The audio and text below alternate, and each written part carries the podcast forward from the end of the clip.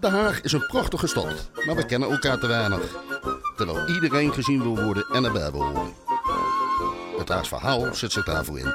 We gaan als een reizend verhalencircus door de stad en laten mensen hun verhaal vertellen. Daar maken we dan een luisterportret van. Zo ontmoet je je eigen stad. Welkom bij deze nieuwe aflevering van het Haags verhaal.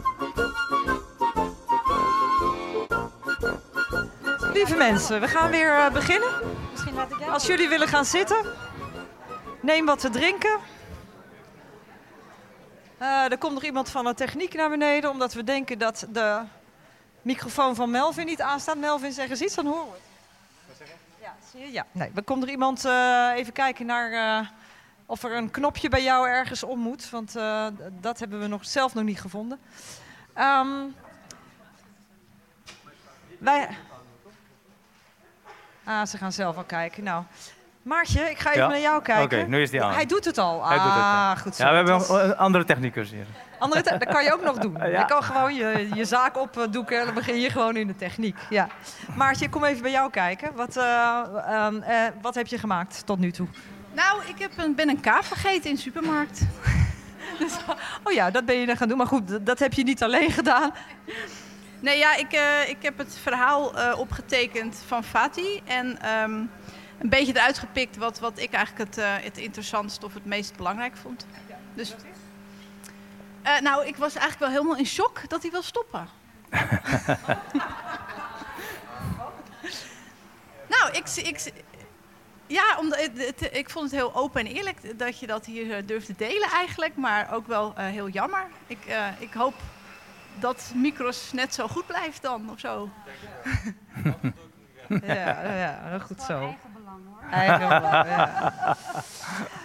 Melvin, je hebt ook een hele hoop mensen meegenomen die graag jouw verhaal weer misschien of eh, in ieder geval willen horen. Fatma, jij eh, gaat eh, hem interviewen. Ik geef jullie de vloer en eh, ik eh, hoor wel wanneer Ben ik iets kan ja. doen. En jullie kunnen vragen stellen tussendoor, hè? dan ben ik erbij. Ja. Ik heb mijn aantekeningen op mijn telefoon, dus ik geef jou dat ding om de... Ik wacht de foto's. Ik geef je instructie, hè? nou, welkom allemaal. Welkom Melvin. Fatih, jij ook heel erg eh, bedankt eh, voor je verhaal. Ik denk, ik ga natuurlijk straks aan Melvin vragen wat hij allemaal eh, daarvan herkende, dus daar komen we op terug. Eh, maar in het Haags verhaal beginnen we altijd met wie is je vader, wie is je moeder? Klik maar. Nou, mijn vader en mijn moeder zitten dus op de foto nu voor u rechts. Mijn moeder, mijn vader. Mijn moeder eh Jong Tai Lee. Mijn vader Nyuk Yun Chang. Die zijn eh, ja, in, in China geboren. En eh, via Suriname naar Nederland geëmigreerd. En de rest? En de rest, ja, mijn zoon zit helemaal links met die afro. Deze? Want zijn moeder is half Surinaams. Ja. En mijn vrouw die zit, nee, dat is zijn vriendin, hè? Dat is Dat- vriendin van mijn, eh, van mijn zoon. Ja. En mijn vrouw, mijn huidige vrouw, die is, die is, ja, dat is mijn vrouw. Ja, die. En daarachter staat mijn zusje in het rood. Deze? Dat is de jongste zusje. En mijn broer Theo zit achter mijn moeder. Met de Ja. bril. Eh, ja. Deze? Nee, nee, nee, die. Nee, deze. Die Theo. Oh ja. ja. En die, wat die jij niet aan dat is mijn neefje, dat is Jackie. Dat is de zoon van mijn broer van mijn vader. Die is helaas overleden. Ehm, nou, rechts helemaal een Hollandse jongen. Eh, dat is een aangetrouwd eh, neefje van mijn... Die is met mijn nichtje getrouwd, zoon van Theo, eh, dochter van Theo. Ja. Twee kindertjes. Hierachter, dat is de vrouw van Theo. En Cecilia staat daar achter het lamp. Dat is ook een andere zusje van mij. Zo zijn ze vieren. Jullie zijn met Twee, twee zonen, twee dochters hebben mijn ouders. Nou, super. Gaan we weer zitten. Dan is dit jouw huidige familie. Maar zoals je al zei, eh, jullie hebben wel een bijzondere familiegeschiedenis, hè? Want jouw familie is van China naar Suriname gegaan en van daaruit eh, naar Den Haag gekomen. Eh, dus daar ga je nog meer over vertellen zo. Maar daar hebben we ook een mooie foto van. Klik eens door. Dit is een hele oude foto. Toen was ik nog niet geboren. De voorgrond, de jonge man daar is Theo. Dat is mijn broer. Ehm, daarachter hier, dit is mijn oma. Dit is mijn moeder. Ja. En mijn vader die was al in Suriname, maar zij waren in Hongkong. En dit was een foto ter gelegenheid van de verjaardag van mijn biologische overgrootvader. Dus de va- vader van mijn opa, echte vader van mijn opa. Mijn opa is, is geadopteerd met twee, met een, met een andere zusje en een broertje. Allemaal van andere, andere neefjes van mijn over, overgrootvader. Maar eh, dit is een biologische vader. Oké. Maar dit, is- echte. dit is niet mijn echte, dit is- wij, wij zeggen dit is niet meer mijn echte opa. Mijn echte opa is degene die mijn opa geadopteerd heeft. Melvin, eh, jullie familiegeschiedenis staat ook hier in het museum, eh, is dat gepo- geportretteerd, hè? Eh, en daarin nou ja, heb jij ook verteld een beetje de familiegeschiedenis eh, hè, van hoe ze eh, in China waren. Jij vertelde mij ook dat je, was het je opa of overgrootvader, die was al gaan varen omdat er toen in China toch ook best wel veel armoede al was. Hè? Dus mensen gingen eigenlijk al een beetje de wereld in die dat konden. Om Ja. te kijken waar ze, waar ze geld konden verdienen. Kun je daar iets korts over Ja, vertellen? nou, nou, ik, eh, wij zijn eigenlijk eh, een subgroep van de Chinezen. Wij, wij komen van de Hakka. Wij, wij, noemen, wij zijn de Hakka-Chinezen. En Hakka-Chinezen zijn altijd mensen die, trek, die hebben altijd getrokken door het hele land, eh, door heel China, van noorden naar het zuiden. En dat, als je in een nieuw gebied komt, moet je altijd invechten. En je bent altijd gast. Hakka betekent letterlijk gast in het Chinees. En nou ja, dus er was natuurlijk best wel veel armoede in China toen de tijd. En mijn overgrootvader, die, die is inderdaad gaan varen, maar later ook in Maleisië aangekomen en daar in een rubberplantage eh, is hij gaan werken en daarna heeft hij het zelf als ondernemer begonnen. En zo heeft hij heel veel rijk geld verdiend. Maar elke Hakka-Chinees, of elke Chinees volgens mij vroeger, die had altijd de gedachte van, ik ga ooit terug naar China, dat is mijn land. Dus mijn overgrootvader is dus van Maleisië weer teruggegaan naar het zuiden van China, waar, wij dus, waar mijn vader is geboren. En die heeft heel veel land gekocht. Want dat was natuurlijk in die tijd eh, ja, een goede- investering. Altijd een goede Ah, investering, geweest, toen ook. Maar ja, maar toen, toen kwam het communisme. En toen werd alles verdeeld en hij werd natuurlijk helemaal onteigend. En eigenlijk eh, zelfs eh, ja, een beetje gemarteld. Ja, dat, was natuurlijk een, een manier om je te straffen, omdat je natuurlijk nou, de, mens, de, de volk uitgebuit had. Dus dat was eh, heel tragisch eigenlijk. Want, eh, want ik heb later ook begrepen dat hij altijd geadviseerd werd door mensen van... joh, ga ook in Hongkong wat kopen. Maar hij zei, nee, dit is mijn land. Het was eigenlijk, hij is bestraft voor zijn loyaliteit. Hij, hij wilde altijd blijven waar hij geboren Ja. was. Ja. Ja. ja. Maar ja, en op een gegeven moment, eh, hè, toen het dus zo moeilijk werd in China, eh, gingen jouw Mijn opa. ja, opa en zijn broer, Zijn neefjes, ja. zijn neefjes gingen ook naar. ja. Nou, en zijn broers ook, ja. Zijn broers ook. Ja. Die wilden die wilden ook gaan eh, kijken waar het eh, wel kon. En toen zijn ze in Suriname. Ja. Dus via een neef van mijn opa zijn ze in Suriname terechtgekomen. Werd hij gehaald hè, om ook te gaan helpen, om te gaan helpen in zijn grote zaak, zijn nieuwe zaak. En zo zijn wij natuurlijk, op een gegeven moment is mijn opa mijn, zijn kinderen gaan halen, mijn eh, vader, mijn oom gaan halen, later mijn oma. Dus zo is Suriname weer een nieuwe plek geworden voor ons. En weet je nog, in ons interview vroeg ik aan jou eh, eh, een beetje naïef van, maar waarom Suriname, hè? helemaal vanuit China? Want ik, ik was dat vergeten, waarom? Waarom Suriname? Nou ja, dat, is, ja, dat is, puur toeval, denk ik. Want ja, voor hetzelfde waren we in Jamaica geweest of in... eh, Ja, maar jij zei ook, in Suriname was de slavernij net afgeschaft. Oh ja, dat is geschiedenis. De Chinezen kwamen natuurlijk in Suriname. Ja. ja, ja. Ja, in 1863 werd de slavernij afgeschaft. En Chinezen en uh, Javanen volgens mij waren de contractarbeiders. En de in- mensen uit India waren de eerste contractarbeiders. Die dus het land moesten gaan bewerken. Omdat al die slaven natuurlijk vrij waren gelaten. Dus toen waren de eerste Chinezen daar. Ik denk dat daardoor ook mensen, de Chine- mensen in China wisten. van nou, Suriname is ook waar je naartoe kan gaan, gaan immigreren om brood Geld te verdienen. Ja. ja. Maar goed, eh, zij kwamen daar aan en toen? Nou, mijn opa is natuurlijk in eh, de- begin 49, 1949 in Suriname aangekomen en heeft daar eh, bij zijn, eerst bij zijn neef gewerkt en later zijn eigen eh, kruidenierswinkel, hè, een kleine, geen supermarkt, want het werd over de toonbaar verkocht, want anders werd alles gestolen natuurlijk daar. Dus uh, Hier is overigens het haakje, hè? Tussen jullie twee uh, ook uh, handel. Dus wij hadden al dus een toonbank, dus een toonbank of handel op de toonbank. En dat, dat, zo zijn we begonnen. En mijn vader die kwam natuurlijk in 1960 ook naar Suriname. En die, nou, die, kreeg ook, die, dus die kreeg ook van zijn vader dan het advies ook een winkel te beginnen. En zo zijn we dus, hadden we, de hele familie had een kruidenierswinkel. Kleine zo'n mini-supermarkt, maar dan werd je gewoon over de toonbank geholpen. Ja. Maar je zei ook, hè, want toen ik vroeg van nou, waarom dan een kruidenierswinkel, zei je ook omdat dat toch een makkelijkere manier is om hè, dingen te kopen. En precies wat Fatih net ook zei, je koopt ergens wat en dan verkoop je het ergens anders weer door. Ja. omdat, dat geen, hè, omdat je daar ook niet heel veel skills voor nee, nodig maar, maar dat is volgens mij ook de, de, de overeenkomst hè, tussen uh, de Turkse volk en China. Allemaal handel. Ja, altijd handel. Ja. Mijn opa was natuurlijk toen de jong was in China ook altijd, die handelde in varkens. Ik bedoel, die ging naar de varkens kopen en de slachten en dan verkopen. Ja, dat is handel. Dus, en in Suriname, ja, wat, wat moest je anders behalve op het land werken? Dat is natuurlijk hartstikke zwaar. Ja. Dus een, een, handel, een winkel is natuurlijk makkelijk. Ja. En dat was natuurlijk ook hard werken, lange dagen. Van zonsopgang tot de zonsondergang en dan nog door. Maar dat, maar dat deed je doen. Ja. En die winkels deden het daar goed, hè? Uh, je vertelde ook over je oom. Daar wil ik toch wel even bij stilstaan, hè? Want dat, nou ja, dat was toch wel dat was toch je oom, het rolmodel? Uh, die oud-oom, ja. Ja, die, oud-oom. Die, die, nee van mijn opa, ja. ja. dat was dus um, Chong Chuyin. Dat is een uh, oud-oom van mij.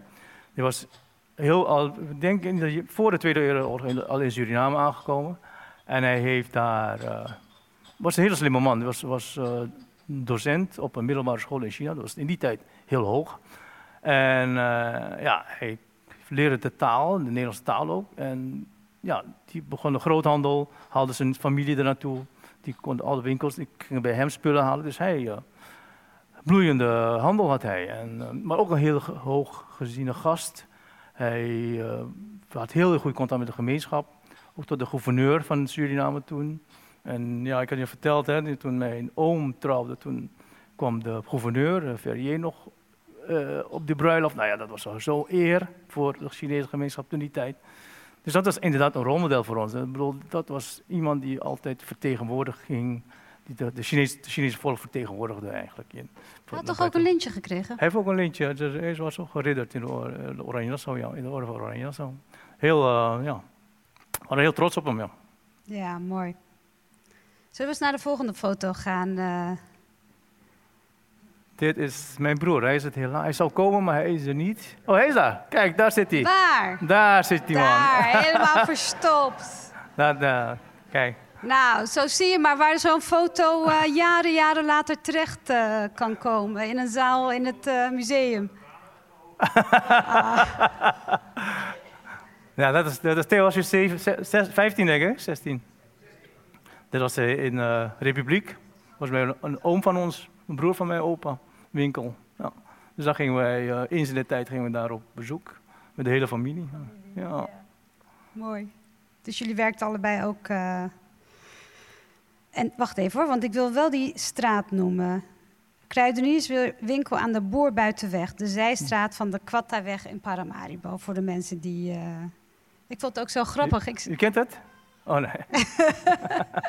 ik zei ook tegen Melvin, als ik, je niet, als ik Melvin niet zou zien en zou horen, dan zou ik wel denken dat je Surinaams bent aan hoe je praat, zeg maar. Ja, ja accent, hè? Ja, ja, ja, Maar ja, je bent daar natuurlijk ook uh, geboren, geboren en, ja, ja vertel. Ja, ik ben, ja, ik ben ja, in 63 ben ik natuurlijk daar geboren en ik heb daar de, middel, de, de lagere school doorlopen. Uh, nou ja, toen na, na de basisschool ben ik hier naartoe gekomen in 1975. Dus ik heb uh, toch tot mijn twaalfde daar gewoond. Ja, maar we blijven, we blijven nog heel even in Suriname, hè, want daar hebben we het ook over gehad. Uh, ik vroeg aan jou, voelden jullie je daar welkom? En uh, nou ja, jij kon een hele mooie sfeer schetsen van Suriname in die tijd dat jij daar opgroeide. Hè, dat het een multiculturele samenleving was, dat het heel open was. Nou, het is nog steeds een multiculturele samenleving. Nou, maar, het, maar, in die, maar we praten natuurlijk over de jaren 60, 70, dat is natuurlijk een totaal andere tijd. Ook hier was het een totaal andere tijd. Maar niet in Suriname was natuurlijk een tijd van, ja, van een oase van rust. Hè? Ik bedoel, het was, uh, ja, iedereen kende elkaar. We, woonden natuurlijk een beetje buiten, buiten de stad. Hè? Met, uh, Zorg en Hoop, dat is een, ja, een buitenwijk eigenlijk. En een paar straatjes eigenlijk in het begin. En, uh, ja. maar is was er nog een zandweg, hè, nog niet geasfalteerd. Maar we op, ja, we komen bij, de buren over de vloer en ze kwamen bij ons. En dat was echt een, familie. We zijn gewoon familie van elkaar. En eh, ja, dat was eh, een hele mooie tijd. Daar hebben we mooie herinneringen aan. Ja, want je, ik, nou ja, ik, wat mij bij is gebleven, eh, want we hebben altijd, hè, we spreken elkaar eerst voordat we dit interview hier doen, eh, is dat je zei dat de winkel, eh, en ik, dat hoorde ik Fatih ook zeggen, of iemand anders, het is er altijd gezellig in die winkel. Dat het ook heel gezellig in die winkel. Want jouw moeder werkte ook in die Ja. winkel, hè, dus het had ook een hele sociale functie. Want al die dames Ja, kwamen ja. daar hun boodschappen doen, maar eh, Ja, nou, dat, dat was inderdaad een beetje een soort ontmoetingscentrum. Hè? Dat is behalve winkel, kwam ze een boodschap. Maar ja, meer, ik denk dat ze, ze waren, de boodschap waren vijf minuten en ze bleven een half uur hangen, denk ik. Dus we, dus we wisten alle roddels in de buurt. we wisten ja, ook je i- wist wat iedereen. alles. Dus dat was een hele, nou, dat was, dat was die gezelligheid. Hè? Ik bedoel, we kennen elkaar, we pasten op elkaar. Ja. Maar je zei ook, eh, en ik herken dat wel een beetje van, van Turkse winkels. Hè. Stel, je, je staat bij, stel, ik sta bij eh Fatih volgende week in de winkel en ik kom net eh 50 cent of een euro tekort of zo. Dan zegt hij, nou, komt goed. Volgende keer beter. Dat Ja, was ja. bij jullie ook daar, hè, in Suriname? Dus Ja, we- vanuit ja, wij, hadden ook een systeem van eh, op de rekening. Hè? Borgo noemen we dat toch? Borgo.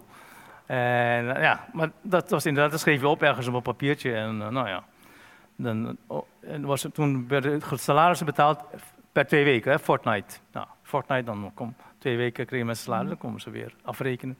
En dan bleef nog wat openstaan en dan komt er weer wat bij en zo ging het dan door. En ja, Maar jij omschreef dat als toch ook een vorm van solidariteit, toch? Dat je voor elkaar zorgt en dat je echt een gemeenschap bent. Nou, en, ja, eh, ja, ja je, je, je wist gewoon dat de mensen het gewoon moeilijk hadden. Ik bedoel, dat ze gewoon een, hij was best wel een arme, arme buurt. Ik bedoel, het was geen rijke buurt. Dus ja, je gunde het elkaar wel. We gunden elkaar heel veel. Ja. Vind je dat in Nederland toch niet iets anders? Dus niet zozeer vanuit jezelf geredeneerd, maar Ja, qua ervaring. nou, ja, het- is nu gewoon aan moeilijk te, te vergelijken, denk ik. Maar in de jaren, begin, jaren 70, 75, 80 was ik veel in de Schilderswijk. Eh, Daar was het ben ook. ik ook. Maar dat was ook zo. Ja, heb ik ook zo'n gevoel van, Ja. het is hetzelfde. We gunnen elkaar ook wel wat. Ja. Nee, ja, dat was ook. Ik ben, ik ben ook in de Schilderswijk. Ik ben in de Schilderswijk geboren en getogen. Dus die sfeer was er ook. Ja, dus, ja. het is, maar het is gewoon nu, 30, 40 jaar later, ja. Het is gewoon een totaal andere tijd. Ja, maar in heel veel van die winkeltjes dus nog steeds niet. Dat vind ik zelf ook wel heel mooi nog. ja, eh, nog heel keer, ja, ja, om ja. te zien, ja. Eh, zullen wij eens naar een andere foto eh, gaan? Ook nog even... Aha. Dit is ook nog een foto uit Suriname. Want ik vroeg aan jou hè, wat, waarom deze foto in de tentoonstelling eh, terecht is eh, gekomen. Zo voor dat commissariaat. Dit is een trouwfoto van jouw moeder. Ja? Nou, ook leuk voor jou, hè? Om je fo- ja. Ja, dat is, dat is een trouwfoto. Ja, haar, haar, haar opa, die staat natuurlijk hier. Dat is een broer van mijn moeder. ja. Dus de, ja, deze foto is natuurlijk toen gemaakt en natuurlijk over de hele wereld verstuurd aan alle families. ja. En zo eh, herkennen we, zo, zo kennen we heel veel families, die kennen, we kennen elkaar niet allemaal. En dan zie je zo'n foto ergens hangen of bij iemand thuis een keer. Dan zeg je, hé, hey, ik heb ook zo'n foto hangen, maar hoe is de relatie? Dus zo kom je dus ook bij families terecht Ja, die je nog normaal Want het contact werd wel, wel die manier- gehouden, op die hè? manier, ja, Omdat want- iedereen toch ja. ergens anders was. Ja, hoogtijdagen, zoals bruiloften, werden foto's gemaakt of familiefoto's. Dan Overal werden die natuurlijk, over de gedeeld, hele wereld verstuurd. Ja. en, zo, dan, zo ging het vroeger. Ja. en dan eindig je in het eh, Museum voor Beeld, en eh, Ja. eh, Geluid. Nou ja, ik wil... nou ja, we hebben ook gesproken over hoe jij het daar had in Suriname. Dus je zei dat je kindertijd superleuk was en onbezorgd. En Ja. je hielp wel af en toe mee in de winkel. Nou, nou altijd, altijd. Vanaf mijn, school, vanaf mijn zesde of zevende al. Ik was een klein jochie, maar ik je ging heel... toch ook naar school? Ja, maar school was tot één uur, hè. was tropenrooster. Oh. Tot één uur hadden we dan waren Dus dan, vrij. ja, kinderarbeid. Dus je hebt gewoon, ja. Maar dat Ja. vond jij wel leuk, toch, in die Ik tijd? vond het geweldig, ja, dat ik Ja. van die winkel. Ik vond, ik was heel trots dat ik op de winkel... Ja, dat moet je ook altijd. Dat je, ja, ja, ja. Achter de kassa mag en zo. Ja, ja, ja. Ja. Maar dat je ook eh, ja, inderdaad kon verkopen en mensen ja. En jij zei dat je daarom zo goed kon rekenen. Ja, dat was leuk. Kon je, je moest wel hoofdrekenen altijd. Er waren geen rekenmachientjes, anders dat wel. Dus ja, goede oefening. eh. ja, mooie foto. Eh, hierna gingen jullie, ehm, of je ouders, nee, niet je ouders, sorry, ik zeg het verkeerd. Je vader eh, besloot dat het in Suriname toch ook wat ingewikkelder werd, hè? Ook Ja. het politieke klimaat. Ja, 1975 is onafhankelijkheid van Suriname. Hè. Dus dan, voor, mijn opa en mijn vader was het natuurlijk een trigger. Want onafhankelijkheid in die tijd, ook, in, ook veel Afrikaanse landen werden onafhankelijk in die tijd, het Caribisch gebied ook. Veel communisme. Dus de angst voor het communisme was zo Ja, groot. zij hadden weer herkenning. Ja, ja, die angst was er gewoon weer van, joh, nee, niet weer. Ja, Dus laten we dan kijken of er een oplossing, een al- alternatief is. ja, Nou ja, en het was, niet, het was natuurlijk eh, niet zo moeilijk, want naar China konden ze niet terug, was nog steeds Mao. ja. Dus eh, ja, in Hongkong konden ze ook niet in, want eh, ze hadden geen ID. Dus nou ja, dan was, Nederland was wel een optie, want alle Surinamers waren toen officieel behoorden ze tot het Koninkrijk der Nederlanden. Nederlanden, ja. Dus we waren ook Nederlanders, dus Ja. we konden hier naartoe komen. Dus toen zijn we de hele stroom, alle Surinamers hier naartoe gekomen. In, mijn opa is in 73, mijn- en mijn vader, en wij in 75. Ja, dus je opa en je vader kwamen hier naartoe. Ja. Eh, die kocht eh, restaurant Lung Fung. Ja, we heette toen geen Longfong, maar is laatst is Longfong geworden, ja. Maar het was wel aan de Boekhorststraat. Hoek, eh, Prinsengracht. Prinses- eh, Prinsen- Prinsengracht. Gracht. Eh, nou, zoals ik, al- ik ben ook in die wijk geboren en getogen. Dus ik ken echt niet anders dat naast de Quantum was Ja. dat restaurant van jullie. Dus dat hoorde echt gewoon bij dat beeld van dat Ja. stukje. Ja, we, we hebben altijd daar ge- ge- Jullie zijn altijd daar gehoord, geweest, Ja, ja, ja. ja. En op een gegeven moment zijn jullie als eh, gezin, eh over, nou ja, het is ook een bijna een soort hereniging, hè, wat heel veel Turkse en Marokkaanse gezinnen in die tijd eh, ook hadden. Maar ik vroeg aan jou, hoe vond jij het om te verhuizen en naar Nederland te komen? Want jij was toen 12. 12, dus hè, basisschool misschien net gehad, maar wel een leeftijd hè, waar je vrienden natuurlijk ontzettend belangrijk voor Ja. je zijn. Ja. En je vertrouwde omgeving. Nee, ik had, nou, in het begin vond ik het leuk, want ja, ja, de eerste keer dat in mijn leven dat ik in een vliegtuig stapte. Ja, het is toch een avontuur, hè. Maar toen kwam ik hier en toen, ja, mijn opa, mijn restaurant was beneden en drie hoog, op dat, in dat pand, hè, kan je je voorstellen, het is nu allemaal nooit gerenoveerd. Maar toen was het nog niet gerenoveerd. Dus allemaal gaten, ruiten kapot, eh, tochten in de wind. Ik kwam in Je kwam in de augustus. winter. nee, ik kwam in Nee? augustus. Ja. Dus dat was nog mooi weer. Maar in september was het, begon het al koud te worden. En er was geen douche. Dus Kraan, wel een kraan. Wel een kraan, een klein, klein tel, een bakje. Ja. Dus daar, nou ja, daarmee moest ik het doen. Dus één keer per week gingen we nog naar het badhuis. Dat was een badhuis op de Jan, de, de Jan Hendrikstraat, hè, verderop, ja, ja. de Torenstraat. Maar dat was verschrikkelijk. Het was koud. En ja, mijn moeder was nog in Suriname, mijn zusjes ook. Dus ik was alleen met mijn broer en mijn opa en oma hier. Ja, drie hoog boven, koud in de winter. Nou, ik heb vreselijk gehuild. Ja. Ik heb echt, ik heb me doodongelukkig gevoeld toen. Ja. Je miste de warmte. De warmte, oh ja, ja, ja. Maar ja. miste je ook je vrienden, echt gewoon de hele Ja, gemeenschap? natuurlijk. Ik bedoel, ik bedoel, je kwam hier, je moest nieuwe vrienden maken. En je ging naar een nieuwe school, een grote school, weet je wel. En, ja. Ik, ja, ik, ik, ik, ik, kon me nog goed herinneren. Ik, eh, ja, iedereen kijkt het weerbericht, maar ik had geen idee van weerberichten. Dus was toen, zo, en toen was het mooi weer een keer. En ja, ik had het niet eens door, dus ik kwam met een jas aan. Dus iedereen Ja. uitlachen natuurlijk. Want Dus ja, dat, dat, dat Want was in gekke Suriname was altijd mooi Nee, weer. Had je niet heel en, eh, erg. Had me niet omgekeken. ja. Dus dat, nou ja, dat was al een enorme verandering en eh, overgang, cultuurshock. eh. En ik vroeg ook aan jou hè, later van... eh, wat heb je meegenomen vanuit Suriname en wat heb je eh daar achtergelaten? Toen, nou ja, behalve je vrienden, misschien een vriendinnetje. Ja, ik heb wel een vriendinnetje achtergelaten, ja. Dat, dat is wel zo. Maar eh, ja, wat heb ik meegenomen? Me- wat ik meegenomen is volgens mij de, de multiculturaliteit die ik gewend was. Dat iedereen ja, toch de contacten wilde leggen en kon leggen. En eh, dat ik eh, toch makkelijk, ja, toch altijd de verbinding zocht met andere groepen. Ook, in de Schilderswijk. Ik bedoel, Ja. toen kwamen de eerste Marokkanen en de Turken. Nou, toen gingen we toch samen voetballen. Helemaal geen, eh, geen problemen. Ik bedoel, je, je deed het gewoon automatisch. Veel makkelijker. Ik heb altijd het gevoel dat ik veel makkelijker ja, me overal heen, doorheen, doorheen kon bewegen. Ja. Nou ja, ik ben, eh, ik ben wel iets jonger dan jij. Hè? Dus in generatie zijn we misschien wel allebei eh, tweede generatie Mhm. van migrantenouders. Maar ehm, eh, ik noem jullie generatie dus van jouw leeftijd zeg maar, een beetje de anderhalf generatie. Ik herken dat bij mijn uh, schoonfamilie, maar ook hè, bij mensen binnen de Turkse gemeenschap. Eigenlijk zou Fatih daar ook voor een aanmerking kunnen komen, want hij is meegekomen ook uit Turkije. En de rest, hè, behalve je zusjes, die zijn dan hier geboren. Dus daar, daar zit een verschil tussen. En ik heb altijd het idee gehad dat de kinderen dus die meekwamen...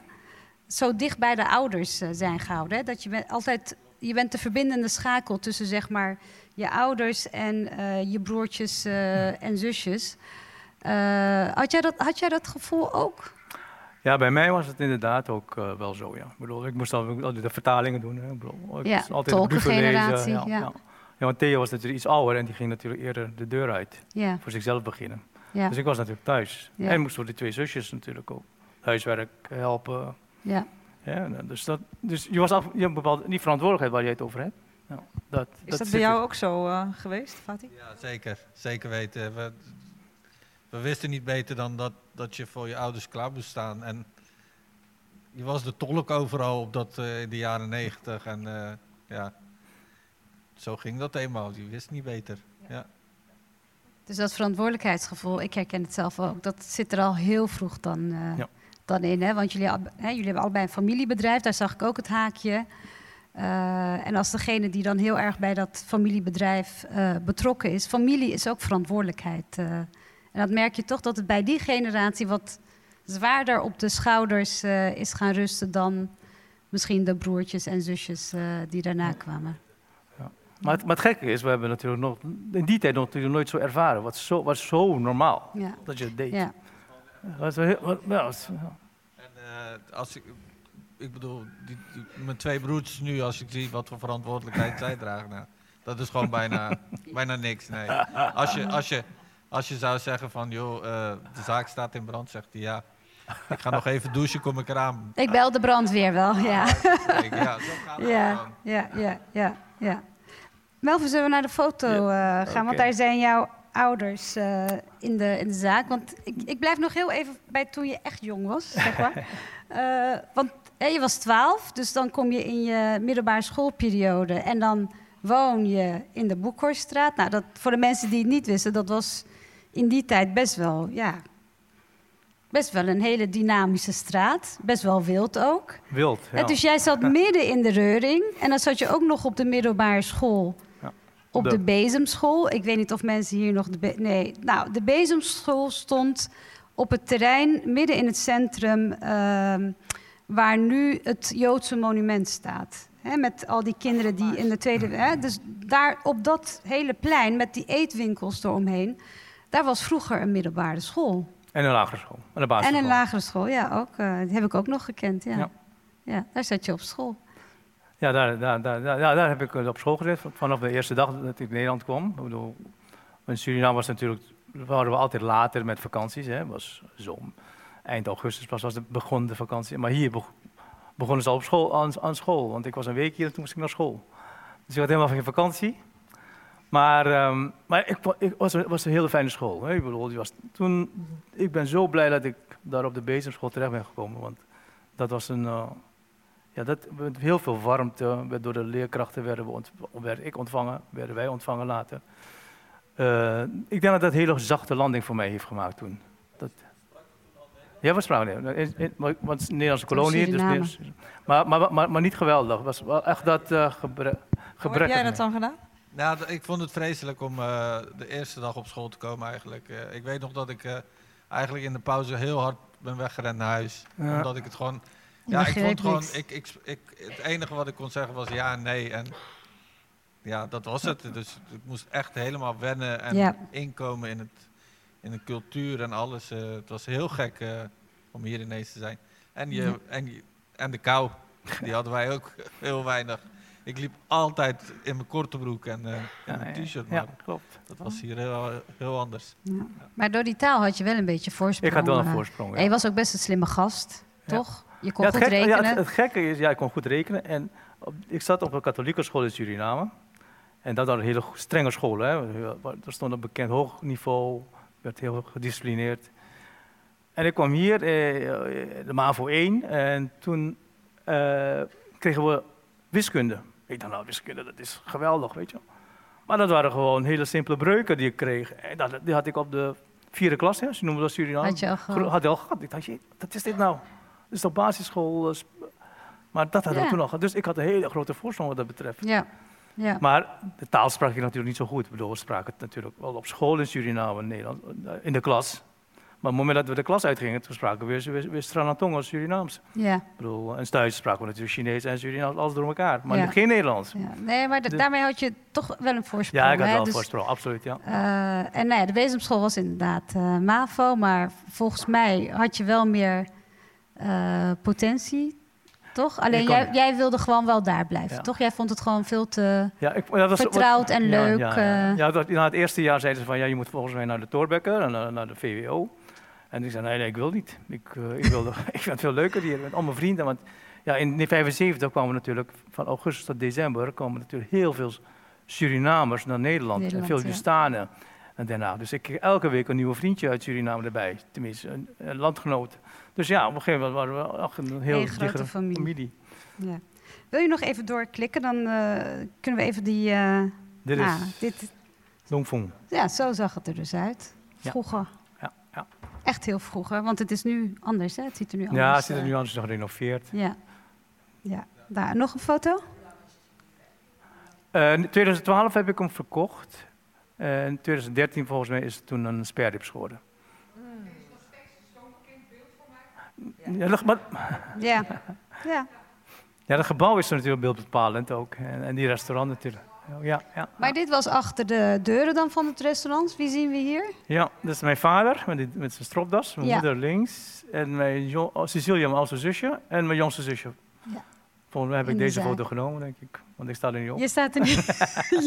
ja, en eh, Theo was al weg natuurlijk. Theo die had zijn eigen bedrijf. En, ja. het, en de volgende foto? Nou, dit zijn mijn twee zusjes. Dat is in de straat, hè? Ja. Ja. Jaren 70 mode. Ja. Super. We blijven nog heel even eh, in Den Haag. Eh, dus nou ja, je, hebt, je bent gewoon naar school gegaan hier. Eh, en op een gegeven moment ben je wel nou, nog meer in de zaak natuurlijk. Hè. Voor jou was het gewoon heel normaal dat je in de zaak hielp. Ik had op de middelbare school ook twee, drie Chinese klasgenoten. Ook allemaal ouders met een eigen zaak. En eh, ja, die deden eigenlijk heel weinig mee aan sociale activiteiten van school. Hè, want die hielpen na schooltijd altijd mee. eh, Moest in de zaak, ja. die moesten in de zaak. Eh, maar nu weet ik van eh, Turken, maar Chinezen staan er ook bekend omdat onderwijs heel erg belangrijk is. Hè? Dus eh, je kinderen stimuleren om het beter te doen, om door te leren, zodat je kansen ja, in het leven eigenlijk iets, eh, iets beter zijn. Eh, jij bent wel gaan studeren. Hè? Ja. Dus eh, we komen zo op eh, hoe je de zaak overnam. Maar je bent gaan studeren, je bent medicijnen gaan In studeren. 1982, ja, ben VWO afgemaakt en ben ik medicijnen gaan studeren in. Amsterdam. Nou, dat heb je toch best een paar jaar volgehouden. Ik heb het vier jaar gedaan. Toen, ik, toen tijd was het twee fase structuur, heb ik nog een doctoraal gehaald. Ja. Ben ik nog, heb ik nog twee jaar onderzoek gedaan in Groningen. Ja. Daar voelde je wel een buitenlander, hè, toen je in In Groningen, Groningen, toen, kwam. ja, ik kon heel goed herinneren. Het was de eerste keer in Groningen. Ik ben nog nooit, was nooit in Groningen geweest. En toen eh, moest ik daar voor onderzoek, moest ik daar een weekje blijven. En toen ging ik de stad in en um, ja, zo'n winkelstraat in Groningen. En ik dacht, ik keek om me heen, ineens besefte ik van, jezus, allemaal blond en blank. En ja, ik was de enige, ja, ik voelde me echt, de eerste keer in mijn leven, maar ik, in- dat ik echt een buitenlander was in dit land. Dat ik eigenlijk, ja, ja wat doe je? Ja, ik, dat, ik stond er even bij stil. Dat vond ik heel grappig. Want ik was natuurlijk altijd hier in Den Haag en Amsterdam. Ja, multicultureel. Hè? Gemêleerd, altijd ja. gezelschap. Ja. Nee, dat is inderdaad even een, een, een shock, maar goed. Maar dat was wel leuk om even Ja. vast te houden, het beeld. Ja. Even de volgende foto, want dan hebben we toch een beeld. Want dit is jouw eh, nicht, hè, toen ze Dus, in... ja, eh, dat is mijn tante eigenlijk, mijn broer, een nichtje van mijn vader. Nichtje van je vader, ja, de dat is een soort tante, ja. Voor ons is het, de generatie heel belangrijk, hè, die Ja. scheiding. Ja. Maar ook dit, dit soort foto's werden gedeeld. En nou ja, ik heb hem hier geplaatst omdat we het eh, ook voor onderwijs, eh, Onderwijs, en ja. educatie hebben. Want het is dan wel het summum natuurlijk, hè, als je daar Ja. met zo'n petje op en eh, helemaal afgestudeerd Ja, bent. nee, dat, wat- dat was inderdaad het hoogste streven. Dat is Ja. het streven eigenlijk van alle ouders, denk ik, die geëmigreerd zijn, naar Suri- van de Chinezen dan. Dat hun kinderen natuurlijk het goed doen. uh, univers- universiteit halen. Halen, ja. ja. En, uh, ja. En wat ik heel grappig vond als Turkse, binnen Turkse gezinnen was het dan hè, de droom altijd: je wordt advocaat of uh, je wordt arts, je gaat een van de twee ga je doen. En dat deelde ik met jou en toen zei jij: nee, bij ons is het niet advocaat, bij ons is het arts en architect. Arts, architect, ja. Omdat. Nou, geen, geen rechter, geen advocaat. Want advocaat, mijn opa zei: advocaat moet je nooit worden, want ja, dan ga je de slechte mensen verdedigen en daar moet je, nou, dan moet je niet aan beginnen. Dat is niet goed voor je karma. Dat vond ik echt, ja, dat vond ik echt een heel mooi uh, verschil. Um, Melvin, nou ja, weet je, jij bent niet doorgegaan uh, met je studie om, om allerlei redenen. Je had iets van, ik heb het netwerk niet, ik wilde me niet invechten. Er kwamen ook een aantal dingen samen. Je vader wilde eigenlijk de zaak aan jou overdoen. Uh, nou, hij wilde stoppen. Hij wilde stoppen, maar jij vond, nou, dan komt die zware last wel heel erg alleen bij mijn zusjes terecht. Hè? Dus er kwamen een aantal dingen samen, waardoor jij ook vanuit je verantwoordelijkheidsgevoel iets had dat jij toch dan de zaak zou overnemen. Nee, ik denk dat het inderdaad een stuk makkelijker heeft gemaakt, ja. Om, om, om het over te nemen en te willen doen. Ik ken mijn zusjes, die, die wilden wel werken, maar niet die verantwoordelijkheid. Dat kan ik me ergens wel voorstellen. Het is toch een hele verantwoordelijkheid om zo'n organisatie op je te nemen. En dat heb ik inderdaad uh, gedaan. Um, maar ja, om, maar, maar wel met het idee van, nou ja goed, we gaan het wel anders aanpakken. Ja, ja. nou wat Fatih ook had. Ja, hè? Jij had ook zoiets van, ik ga dat anders... Dat heb je ook anders gedaan, hè? Moest het ook anders, moest ook anders, want anders zou je het inderdaad niet redden, toch? Ja. Als je de oude manier van de jaren 90, als je de jaren 90 door zou zetten, ja. Dan zou je het uh, niet redden. Nee, dat, uh, okay. ja. verandert zoveel. En uh, ja, je merkt het nu ook. Nu verandert het. Ja. Er verandert nu ook al zoveel in de ondernemerschap. Dat je moet gewoon meedoen om wat jij net zei. Van, vroeger bezorgde ik niet. Nee, ja. En nu is het 30, 40 procent bezorgen. Ja, je moet toch meedoen met de veranderingen allemaal. Maar ja, die opa en je vader die hadden net zeg maar die winkel of het restaurant begonnen. Dus je, wat heb jij daarin veranderd en hoe. Oh. Eén vraag nu we bij dit onderwerp zijn. Zijn er specifieke dingen die, waarvan jullie dan dachten: dit ga ik echt anders doen? Zeg maar een concreet. Ja, dat was mijn uh, vraag ook. Maar goed dat je hem stelt. wat, wat ben je anders gaan doen, Melvin? Dat is sowieso uh, de, de menukaart. Hè? Ik bedoel, de menukaart was, was, al die jaren niet, niet veranderd. Dus ik heb het gesimplificeerd, wat, wat, wat beter onderscheid gemaakt. Maar ook de benadering van de klanten ook heel belangrijk. Ik bedoel, in die tijd kwam natuurlijk de direct marketing op. Hè? Dus ging je mensen ging je adressen verzamelen, dat mocht allemaal toen. En, Gouden tijden. en toen uh, ging je dat nog een kaartje sturen in de kerst of de Pasen. En, en, en dan kreeg je weer een boost in je omzet altijd. Heel grappig. Op het moment dat je een mailing de deur uit, kreeg je een boost in je omzet. Dus dat deed je gewoon drie keer per jaar. En dan ja, dan, kon je, dan had je dus weer je omzet weer op, op, op, op niveau. Dus uh, dat, is, uh, dat is dingen die je deed, maar ook gewoon de klantenbenadering. Hè. Ik bedoel, je wil natuurlijk ook de, de service gewoon echt heel persoonlijk hebben. Maar denk je ook niet omdat jij wat meer al zeg maar uh, buiten was en ook op school hier had gezeten, de taal heel goed sprak, dat dat voor jou iets makkelijker was dan voor je vader misschien? Uh, nou, dat, dat, dat, sowieso zeker. Sowieso het lezen hè, van de brieven, al die correspondentie was natuurlijk uh, veel makkelijker voor mij. Dat, dus dat was inderdaad heel, heel, voor mijn vader was het best wel zwaar. Achteraf gezien denk ik dat het, dat het voor hem inderdaad uh, echt een enorme last was.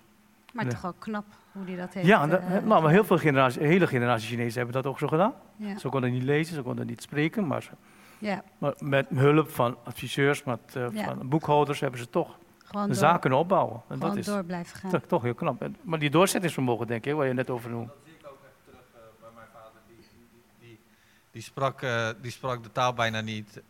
een band creëren met de klant, dat zat er gewoon echt niet in. En ja, hij was nog nooit naar school geweest, mijn vader ook in, in Turkije. Dus die kwam, die kwam hier gewoon Hup, zo, uh, hij heeft gewoon echt ook alles zelf geleerd. Ja. Dat vind ik ook echt heel erg knap.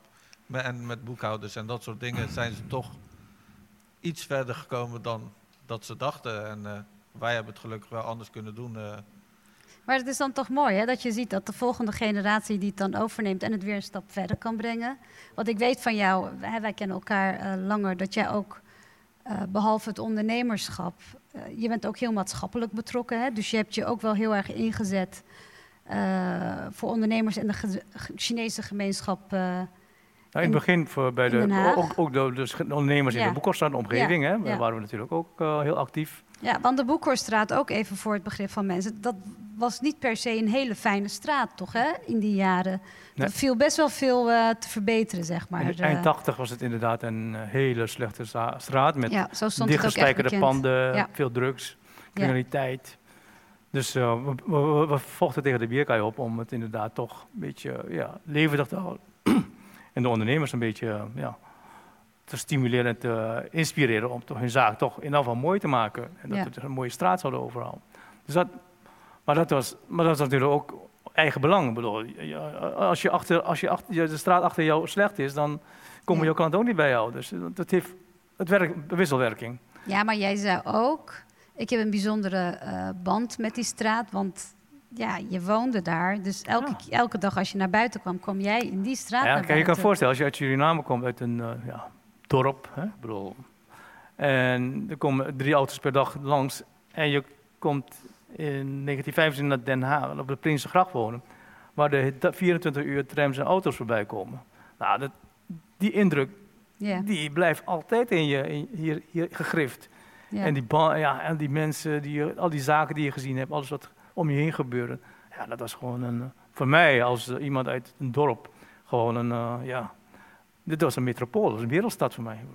Dit was mijn wereldstad. Ja. Dus dan het doet het je pijn als je ziet dat het zo afvlakt op, af, ja, afzakt naar een slecht niveau. Dus daar heb ik best wel veel heb je voor Je, nou ja, het, het, gaat nu ook veel beter met, uh, met de Boekhorstraat. En op een gegeven moment heb jij de keus gemaakt om uh, met Loenfong te verhuizen naar, uh, waar jullie nu zitten, bij, op het stations, stationsweg, stationsplein. Stationsplein, plein. Dus dit is hoe het er van de buitenkant uitziet. En dan, ja, dit is dan de omgeving. Uh... Nog wat ja, wat doe je nou? terug, terug. terug, terug. dit is de, de station, hè? Ja. Dus de station uitkomt links. Dit is jullie uitzicht. dan heb je dit, ja. Dus dit is, uh, dit is het uh, nu geworden. Dit is de laatste, laatste update. Ja. ja. Maar hetzelfde vraag ook aan jou, wat, wat eerder aan Fatih is gesteld. Wat kenmerkt de Chinese ondernemer, hè, behalve het harde werken? En wat, wat is die mindset? Die mindset is altijd om een eigen bedrijf te hebben, eigen baas te zijn. Dat Waarom? Is... Turk hebben dat ook wel een beetje hoor. Waarom? Ik denk dat het. Uh, het hef in eigen handen hebben. Dus, je, dus zelf kunnen bepalen, controle, zelf kunnen bepalen van hoe ver je gaat. Ja. En wat je gaat investeren en wat je terugverdient. Dus dat je graag in eigen hand hebt. Uh, Onafhankelijkheid? Ja, ook dat. Niet afhankelijk willen zijn van instanties of van wie dan ook, of van een eigen baas, van een baas, hmm. waar je ontslagen kan worden. En ik denk dat bij Chinezen natuurlijk ook, bij mijn ouders dan in ieder geval ook meespeelt, is dat ze natuurlijk de taal niet spraken. Dus solliciteren naar een baan in de, is, is best wel lastig. Ja. als je een beetje een goede baan wilde hebben, dan kon dat niet. Dus dan is een eigen bedrijf natuurlijk een hele goede oplossing daarvoor. Want um, op het moment dat, jij zei ook, mensen willen zelf bepalen, gewoon je eigen broek ophouden. Ook als gemeenschap, hè, want ik, de Chinese gemeenschap is er in Nederland natuurlijk best vaak omgeroemd. Hè, als het weer om allerlei studies ging uh, over, over allochtonen in Nederland, dat dat de gemeenschap was die juist dat heel goed lukte. Hè, die heel weinig gebruik maakte van de sociale, nou ja, van het sociale vangnet. En dat, Maar dat vinden jullie zelf als gemeenschap, vinden jullie dat dus ook heel erg? Nou, we hebben dat natuurlijk altijd uh, heel erg belangrijk gevonden, dat, dat we zelf zelfstandig waren en dat we het eigen broek lopen. Hoewel dat natuurlijk ook minder wordt, maar er wordt natuurlijk veel makkelijker over gedacht nu. Maar tenminste vanuit mijn optiek, van mijn, uit mijn familie, is het altijd geweest van, nou ja, probeer altijd je, je, jezelf te redden en uh, zelf, voor, voor, je eigen, eigen kosten te verdienen. Of door onderwijs of door te ondernemen. Onderwijs of, of, of eigen onderneming. Ja. Voelden jullie je in Nederland welkom? In die begin jij, weet je dat van je ouders? Of, van mijn ouders? Nou ja, misschien moet ik eh, aan jou nu ook vragen. Voel, je hebt heel veel gedaan in Den Haag. Hè? Die, die mooie boog daar bij de Bijenkorf, uh, in het begin van Chinatown. Maar ook dat, dat optrekken van Chinatown, daar heb jij best wel veel uh, aan bijgedragen. Hè? Want dat je vindt het belangrijk om uh, zeg maar die Chinese cultuur ook vast te houden en nou ja, te delen met andere mensen. Ja, ook ook plek te geven denk ik in Den Haag. Hè? Ook om, ja, ook om zichtbaar, ja, zichtbaar, te maken. zichtbaar te maken. Maar ook de, en daardoor ook de luiken openen naar het buiten toe. Hè? Naar, de andere, naar de Nederlandse gemeenschap. Van, nou ja, we zijn staan bekend als gesloten gemeenschap. Ja. Terwijl uh, ja, dat eigenlijk niet, niet nodig is. Hè? We kunnen best naar buiten treden. Dus op die manier via een Chinatown, via de Chinese nieuwjaarsviering de maanfeesten. Dus je bent, wel een soort bruggebouwer, hè? want je, je probeert vanuit de Chinese gemeenschap te verbinden om die luiken open te zetten. En vanuit uh, de andere kant, hè? dus omdat je onderdeel bent van de Nederlandse samenleving, probeer je het tegenovergestelde te doen. Is je dat gelukt? Waar ben je het meest trots op? Nou, ik denk dat we allemaal heel trots kunnen zijn dat we dus de, die Chinatown hebben gerealiseerd in Den Haag. Ja. Ik bedoel, met twee Chinese uh, bogen. Uh, en nog wat lampionnen opgehangen. En, die, en de Chinese nieuwjaarsviering die elk jaar in Den Haag heeft plaatsgevonden tot nu toe. Dus dat zijn hele grote uh, ja, doelstellingen die we kunnen realiseren. Maar ik denk het mooiste is dat we met dit, met dit project hebben gerealiseerd, is dat de Chinezen een plek hebben, een vaste een plek hebben gekregen in Den Haag, maar ook een soort thuisgevoel hebben kunnen creëren. Voor, want dit was toch een ontmoetingsplek voor ons allemaal. Want we spreken daaraf. En het is ons Chinatown. En ik denk dat dat het mooiste is wat we hebben kunnen bereiken daarmee. Dat we eigenlijk een eigen plek hebben kunnen creëren voor ons allemaal. Ja. Ik, ehm, waar wij het ook over hadden, hè, toen we het hier over hadden, kwam het thema identiteit ook een beetje aan uh, de orde. Hè? Want nou ja, je bent Chinees, maar je bent Suriname geboren en naar Nederland gekomen. En net zoals ik al zei, die Chinese gemeenschap die stond toch wel bekend altijd om. Hè? Die, nou, die zijn heel zelfredzaam. Uh, en toen was het 2020 en uh, brak er een pandemie uit die uh, zijn oorsprong had in China. Ja, in, in, Wuhan in China. Toen, Wat hebben jullie daar hiervan gemerkt als ondernemers? Dus niet alleen ondernemers zelf, maar als groep, groep ondernemers. Nou ja, toen kwamen de eerste berichten dat wij daarop, werden daarop aangesproken.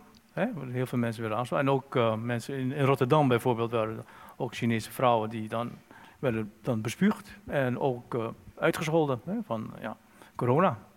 Dus dat was even waar je dan even bij stil moest staan. Dat, is, ja, wat, voelde je, wat voelde je toen? Wat dacht je toen? Nou, ik was, was, in eerste instantie was het een shock, denk ik. Want we hadden nooit verwacht dat we daar zo op deze manier zouden aangesproken worden. Want dat was in China. Ja. En, ja, en wij zijn hier. En dat je op die manier toch aangesproken wordt, is uh, toch iets waar we nooit bij stil hebben gestaan. En dan komt ineens het gevoel van, ja, dan, dan uh, het alsof je de grond onder je voeten van kwijtraakt.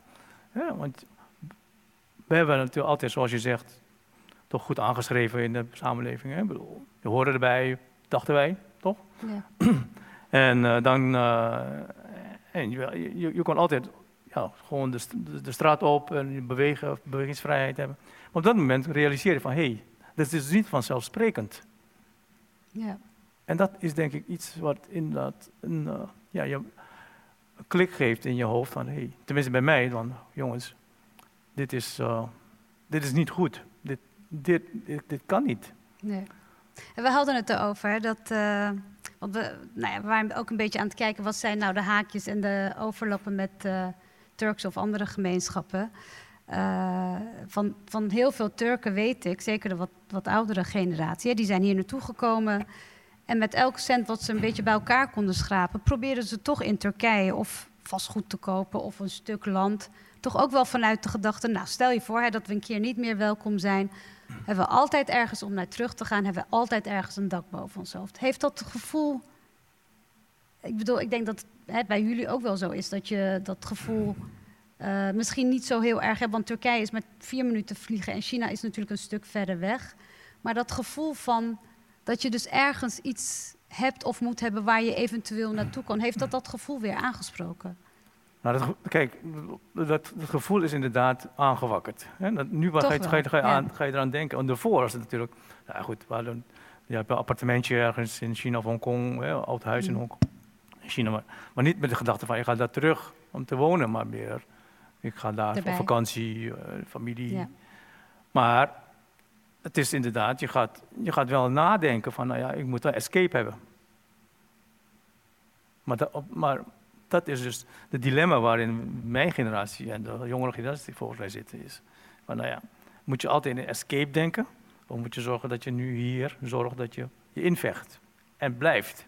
Ja, want hoe doe jij dat met je eigen kinderen? Hè? Want uh, vertelde dat hij het anders heeft gedaan uh, dan zijn vader. En hij, hè, zijn droom is ook dat, nou ja, dat, je die winkel, dat die winkel niet meer alles bepalend is en dat je wat meer uh, vrijheid hebt. Jij bent ook altijd ondernemer geweest. Misschien heb je er niet heel bewust voor gekozen en ben je zo in die stroom meegegaan. Maar bij je eigen kinderen heb je gezegd van nee, jullie moeten ondernemer worden, want dat is zo.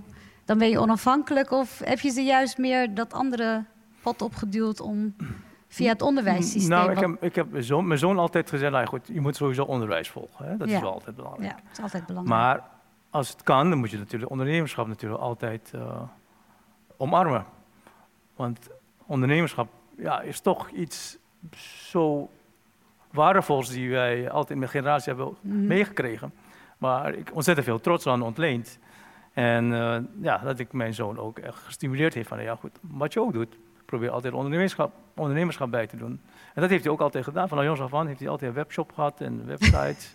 dus hij heeft het altijd gedaan. Dus ja. tot nu toe, hij denkt er nog steeds over na, hij is bezig. En dus ook erg bezig met mijn zaken, hè, met de social media, want dat is hij heel goed in. Want dat kan ik niet. En dat, uh, daar ben ik ook heel uh, trots op eigenlijk. Oh, dat heb je er toch wel een beetje in gekregen. Ja, ja. En als laatste, om, om af te ronden, jij bent zelf altijd heel maatschappelijk betrokken geweest. Uh, en ik hoorde je toch een beetje zeggen, typisch voor iemand uit deze generatie waarin wij zitten. Ik zie het bij de jongeren wat minder, die maatschappelijke betrokkenheid. Hè, het zou wel wat meer mogen. Ja.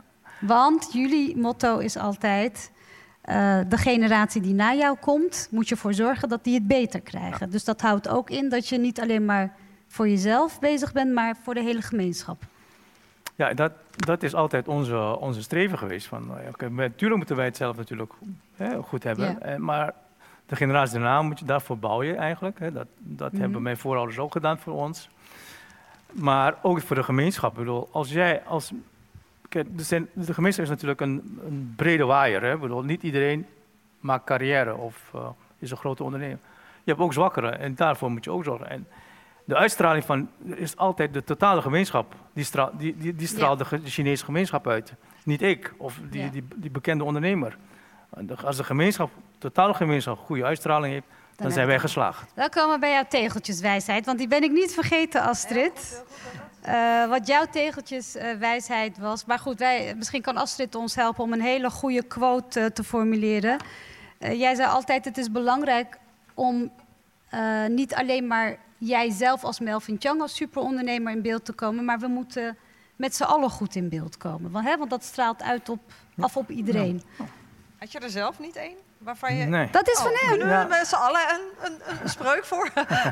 nee, dus, van, dus het gaat niet alleen maar dat jij goed in beeld komt. Hè, ja. Of het nou bij een gemeente is of daarna. Maar dat we met z'n allen, met alle ondernemers goed dus in beeld de gemeenschap komen. moet eigenlijk... Hè, gemeenschap eerst en daarna ik?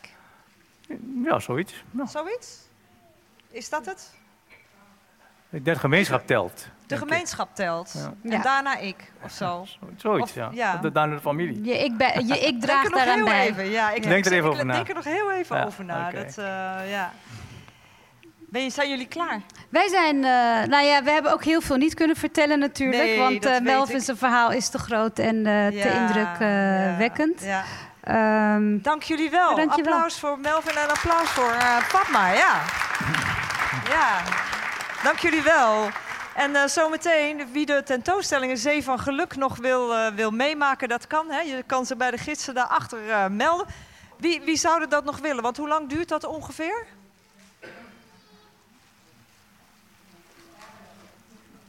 Hoe lang duurt dat ongeveer?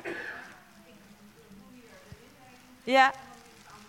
Oh, dan is het aan de mensen zelf om nog uh, door te gaan. Ja. Dus uh, even, even ter inventarisatie en nog even niet het koekje. Heeft er al iemand het koekje gegeten? Nou, je zal er niet aan doodgaan, maar het, het is uit 2020. Dus ik, uh, ja, lekker? Ja, oké, okay, dan is het goed. Ik had hem nog liggen. Het ging om de spreuk. Het ging om de spreuk. Jullie krijgen allemaal een gelukskoekje. Naar aanleiding van het uh, verhaal van Melvin. Melvin, wat is het verhaal achter het gelukskoekje? Gelukskoekje? Ja. het is een grote. Het, het, het, het, het, is, een heel, het, is, het is meer een uh, verhaal van dat je.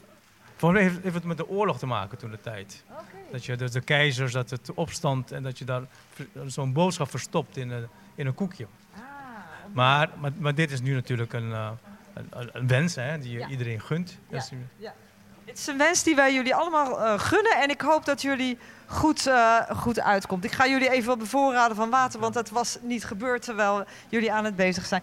Dank jullie wel, dank jullie wel voor, uh, voor er te zijn en dank jullie wel voor de verhalen. Ik, ik dag meneer, ik vond het, ik vond het geweldig. En ik weet niet of, hoe jullie het vonden, maar mijn blik op Den Haag is ook weer groter en ruimer geworden. En, uh, uh, en wat jullie zegt, nou ja, het is echt shocking te horen dat je met zo'n coronacrisis daar dan als gemeenschap op aangesproken wordt. En dat je dan, dan weer moet denken, waar kan ik heen? Weet je, je overgrootopa, of je, die, die is daarin door China, is door het idiote regime destijds is, uh, is dan verdreven. En dat je hier in Nederland bent en dat je daar dan weer het gevoel van krijgt van wat hij destijds heel erg moet hebben gehad. Maar dat je er altijd in je genen meedraagt. Nou, ik vind het shocking.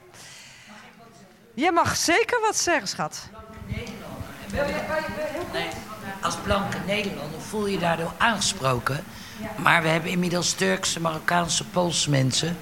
Dus er stond niet in de krant wie daar spuugde, wat dat voor mensen waren. Want ik vind dat zelf ook shocking. Maar dat is dan de Nederlander. En de Nederlander is inmiddels heel breed. Toch? Ik zeg ook helemaal niet. Wie dat dan gedaan moet hebben. Maar ik zeg wel dat het eh, vervelend is als je dat gevoel hebt. Hè? Dus dat, dat is zo. Dank jullie wel. Um, ik ga nog even één slide laten zien. Dat uh, heeft te maken met, oh, oh, kijk nou ja, dit, dit is dus de, die kunnen jullie zo meteen ook nog uh, bekijken. Een zee van geluk. Deze hebben we ook nog gehad. Dit is ons, uh, ons boek. Nu 10 euro, dan weet jij het ook, uh, Mieke. het is een aanbieding alleen vandaag. Hè? Want als je het via onze website doet, dan kost het 24,95. En uh, het is een prachtig boek. Het kan bij Mieke besteld worden. En het volgende verhalenavond is op 5 mei. Dan hebben we een heel bijzondere bijeenkomst weer met de Indische gemeenschap... die de liberaal-Joodse gemeente ontmoet. Dat is dan met bevrijdingssoep. En dat is uh, in het Indisch Herinneringscentrum. Hier niet zo heel ver vandaan in de Sophiahof. Dus uh, daar kunnen jullie ook weer via onze website voor opgeven. Dank jullie wel dat jullie er waren. Dank je wel Fatih. Dank je wel aan uh, Kelvin. Dank je wel okay, Karin. En dank je wel Fatma. Tot de volgende keer. Hallo. Oh, oh, oh even nog heel, heel, heel even. Oh, nee, nee, nee, nee, nee, nee, nee, nee. Want die staat hier de hele tijd. Ik, ben, ik, ik sta daar en dan zie ik haar bezig. En dan denk ik, waar heeft ze, wat heeft ze allemaal gedaan? Vertel eens, Maartje. Shh, nog heel even, nog shh. Nou, ruimte tekort eigenlijk. Maar er zit nog wel een heel groot wit vlak hier. Ja, dat is... Jouw spreuk moet nog even ja. gedefinieerd worden. Is, je bent heel keihard bezig geweest. Ja, het was, uh, het was veel. Vooral het laatste verhaal. Um, um, uh, het, om, omdat er ook een heel stuk voorgeschiedenis bij zat uh, toen jij nog helemaal niet uh, geboren was. Ja, okay. um, dus nou ja, hopelijk is het zo compleet mogelijk. Of... Zag jij wat rode draden die wij... Nou ja, ik vond het wel interessant, maar dat is ook al benoemd, de overeenkomst tussen Chinese en um, Turkse ondernemers. En het verschil met Nederlanders inderdaad. ik voel me een beetje laks nu. ik ben ook ondernemer. maar misschien is het ook wel gezond om af en toe even vrij te nemen. Um, ja, dat eigenlijk. Ja. Ja. Mooi, dankjewel. Dankjewel Maartje. En uh, dit komt ook online en die kunnen jullie delen. En uh, applaus voor haar, want het is echt uh, heel knap wat ze doet. Ja. Dank jullie wel. Dank jullie wel.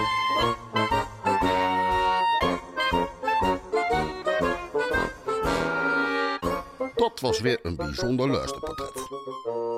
Benieuwd waar het reizend verhalen circus van het Haags verhaal nu is? Dan naar de website of volg via de social media. Leuk als je een keer langskomt.